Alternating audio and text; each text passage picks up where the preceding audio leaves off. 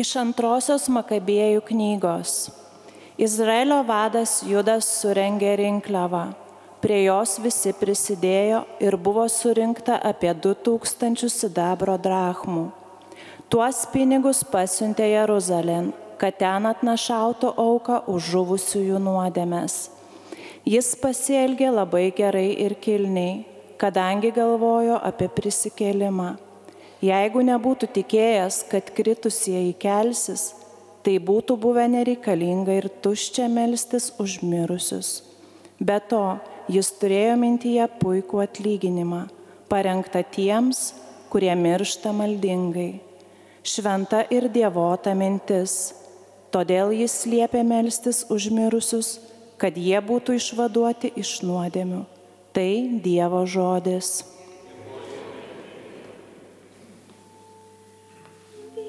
Viešpats išgelbė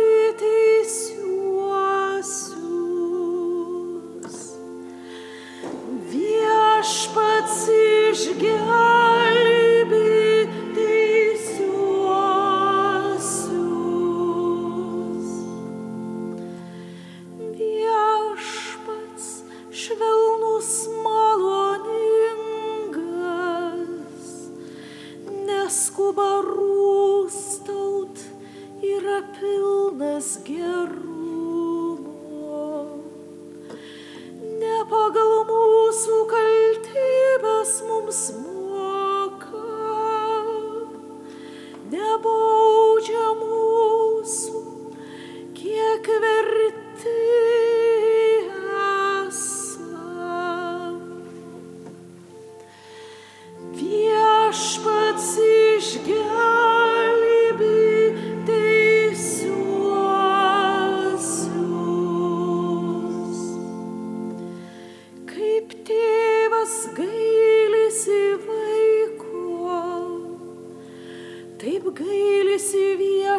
viešpats ištikimųjų. Jiski supranta, iš ko mes padaryti.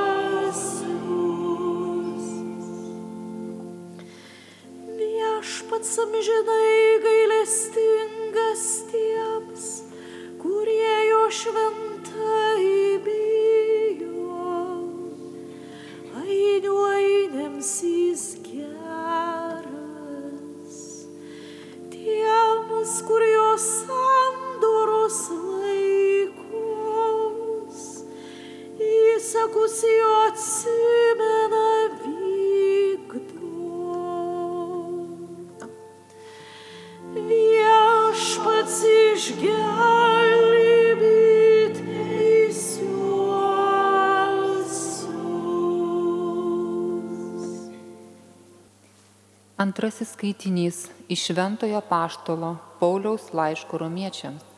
Broliai, viltis neapgauna, nes Dievo meilė yra išlieta mūsų širdise šventosios dvasios, kuri mums duota. Mums dar tebesant silpniems, Kristus savo metu numirė už bedievius. Vargu ar kas sutiktų mirti už teisųjį, nebent kas ryštusi numirti už geradarį. O Dievas mums parodė savo meilę tuo, kad Kristus numirė už mus, kai mes tebe buvome nusidėjėliai. Tad dar tikriau dabar, kai esame nuteisinti jo krauju, mes būsime jo išgelbėti nuo ruščios bausmės. Jeigu, kai dar buvome priešai, mūsų taikino su Dievu jo sunaus mirtis, tai jo labiau mūsų išgelbės jo gyvybė, kai jau esame sutaikinti. Negana to, mes dar galime didžiuotis Dievu per mūsų viešpati Jėzų Kristų, kuris mūsų taikino. Tai Dievo žodis.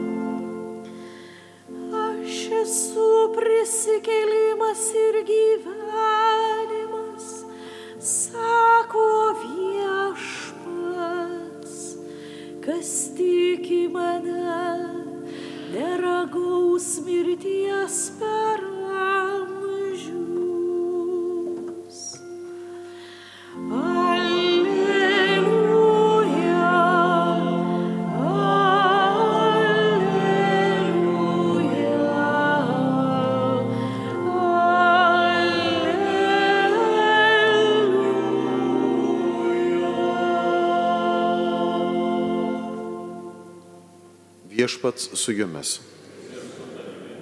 Iš Šventojios Evangelijos pagal Joną. Jėzus bylojo savo mokiniams, tegul neišsigasta jūsų širdis. Tikite Dievą, tikėkite ir mane. Mano tėvo namuose daug buveinių. Jeigu taip nebūtų, argi būčiau pasakęs, einu jums vietos paruošti. Kai nuėjęs paruošiu, vėl sugrįšiu ir jūs pas save pasiimsiu, kad jūs būtumėte ten, kur ir aš. Kur aš einu, jūs žinote kelią. Tomas jam sako, viešpatie, mes nežinome, kur tu eini, tai kaip mes žinosime kelią. Jėzus jam sako, aš esu kelias, tiesa ir gyvenimas. Niekas nenueina pas tėvą kitaip, kaip tik per mane. Tai viešpaties žodis.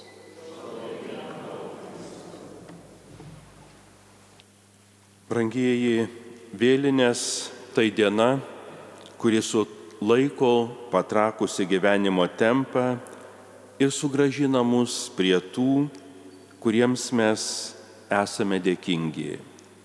Žmogus gimė, gyveno, įvykdė savo misiją ir buvo pašauktas į viešpaties prieglopstį. Mirtis yra visų žmonių lygybės ir teisingumo pranašė. Vokiečių kalba žodis kapinės reiškia taikos kiemą, Friedhof, nes čia vyrauja amžina taika.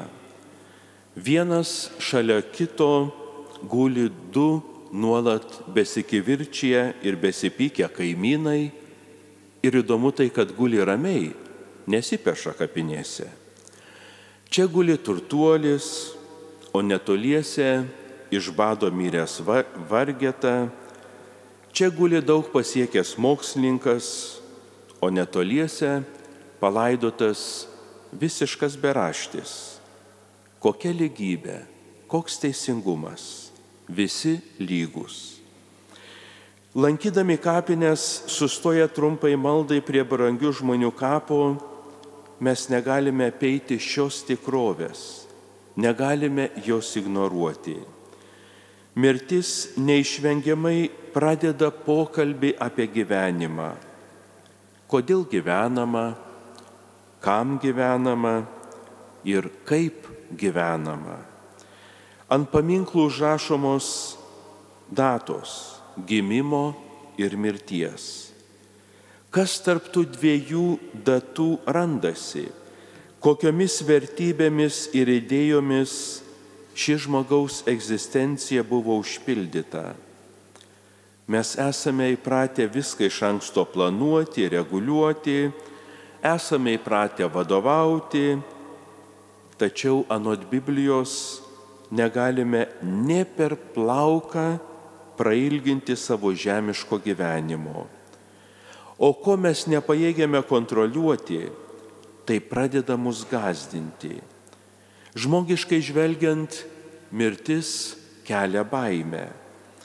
Bet štai šiandien Evangelijoje Kristus sako, tegul neįsigasta jūsų širdis. Tikite Dievą, tikėkite ir mane. Mirties baime traukiasi ten, kur ateina krikščioniškasis tikėjimas. Ir kuo stipresnis tikėjimas, tuo menkesnė atrodo mirtis, nes per ją galėsime matyti Dievas veidas į veidą ir dalyvauti amžinoje laimėje. Štai šventoji Faustina, Dievo gailestingumo paštalė, kuri vedė dienoraštį ir aprašė jame ne tik vizijas, bet per dienoraštį ji išreiškė ir savo jausmus. Sunkiai susirgus prieš pat mirtį, ji taip užrašė. O mano viešpatie, dėkoju tau už tai, kad per sunaikinimą darai mane panašią į save. Matau, kaip pradeda irti mano žemiškasis apvalkalas. Džiaugiuosi, kad jau netrukus būsiu savo tėvo namuose. Brangiai, kokia unikali patirtis - matyti savo kūną irstant, apmirštant ir tuo pačiu išreikšti, užrašyti džiaugsmą, kad netrukus bus pereita į dangiškojo tėvo namus. Šventieji teigia, kad atminti, jog mirsi, reikėtų kasdien. Mirtis yra didžioji mūsų auklėtoje.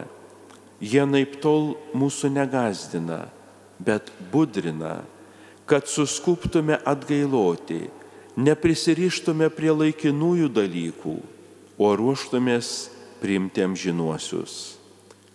Mirtis kreipia mūsų žvilgsnį amžinosios tevinės link.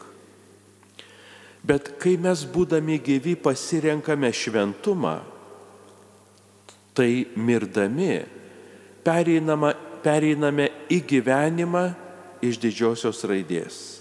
Gimstame Dievo šviesoje. Dėl to paštas Paulius ir sakė, man gyvenimas tai Kristus, o mirtis tik laimėjimas. Ir iš tiesų, mirtis tikinčiam žmogui yra tik laimėjimas. Kodėlgi mes melžiamės už mirusius? Nes Dievas mums davė labai plačią širdį. Egoistai žiūri tik savęs ir labai siaurai, o mes tikintieji žvelgiame ir padedame ne tik gyviesiems, bet ir mirusiems.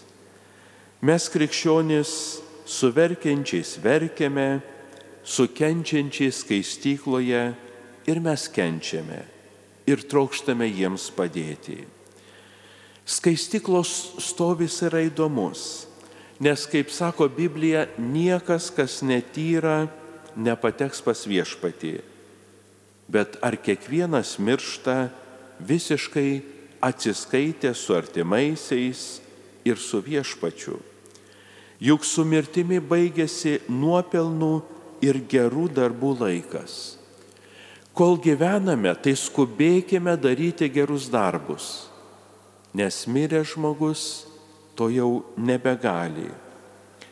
Taigi skaistiklos stovis, būvis panašus į kasyklose atsitikusią nelaimę. Kartais girdime tai vienur, tai kitur, šachtose žmonės yra lygiai dar gyvi, jie patys savo negali padėti, bet laukia pagalbos iš kitur.